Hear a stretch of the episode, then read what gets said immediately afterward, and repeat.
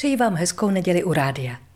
Čeština je krásný jazyk pro našince, ale hodně těžký pro cizince. Trvalo hezkých pár let, než jsme naučili našeho kamaráda z Hamburku alespoň přibližně vyslovit zmrzlina, aby si ji sám mohl objednat u stánku. Říct si ale při společné procházce letní Prahou v kavárně o tři zmrzliny je pro něj dodnes nesplnitelný úkol. A pokaždé, když mu to škodolibě navrhneme, prohlašuje, že se radši okamžitě vrátí domů a objedná si dry beer.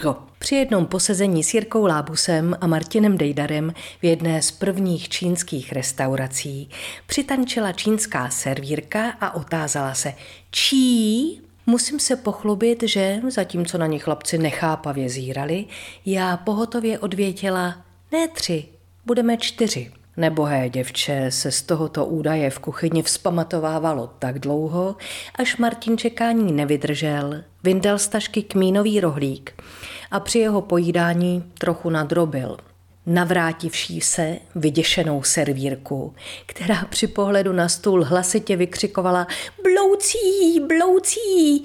Jsme museli dlouze uklidňovat tím, že to nejsou brouci, ale kmín. Na chrudimské ortopedické ambulanci léta působil doktor z Malajzie. Česky se nikdy pořádně nenaučil a jeho hlášky jsou dodnes legendární. Sanitka přivezla pacienta, kterého zachytil soustruh a poranil mu šlachy na ruce. Po prvním ohledání rány pan doktor zachmuřeně pravil. Udělala pes. Pán kroutící se bolestí nervózně vysvětloval. Ne, mě nekousl pes, to mě chytla mašina. Doktor trval na svém. Udělala pes, i to už se zraněný rozčílil, ale naštěstí zasáhla sestřička vysvětlením, že má udělat pěst, aby si lékař mohl lépe prohlédnout poraněné šlachy. Jindy zase slečně po operaci slepého střeva rázně doporučil tveťky a tipky. A znovu musela vypomoci sestra překladatelka. Máte jíst švestky a aplikovat čípky.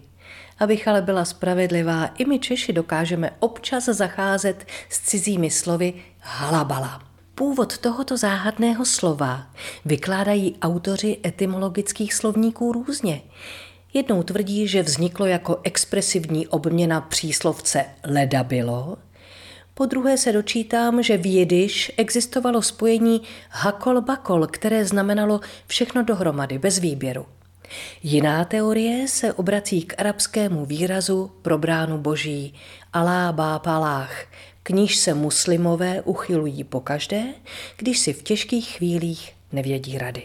Protože není každý v užívání cizích výrazů suterén, i vy jste možná zaslechli, že váš přítel je velmi společenský člověk, opravdový extravert. Přečtete si nějakou hysterickou literaturu, Případně se rádi ve společnosti ukážete s atraktivní dívkou, která je ale bohužel, zvlášť na jaře, permanentně unavená. No a protože i já jdu s dobou, končím dnes rozhlasovým povzdechem.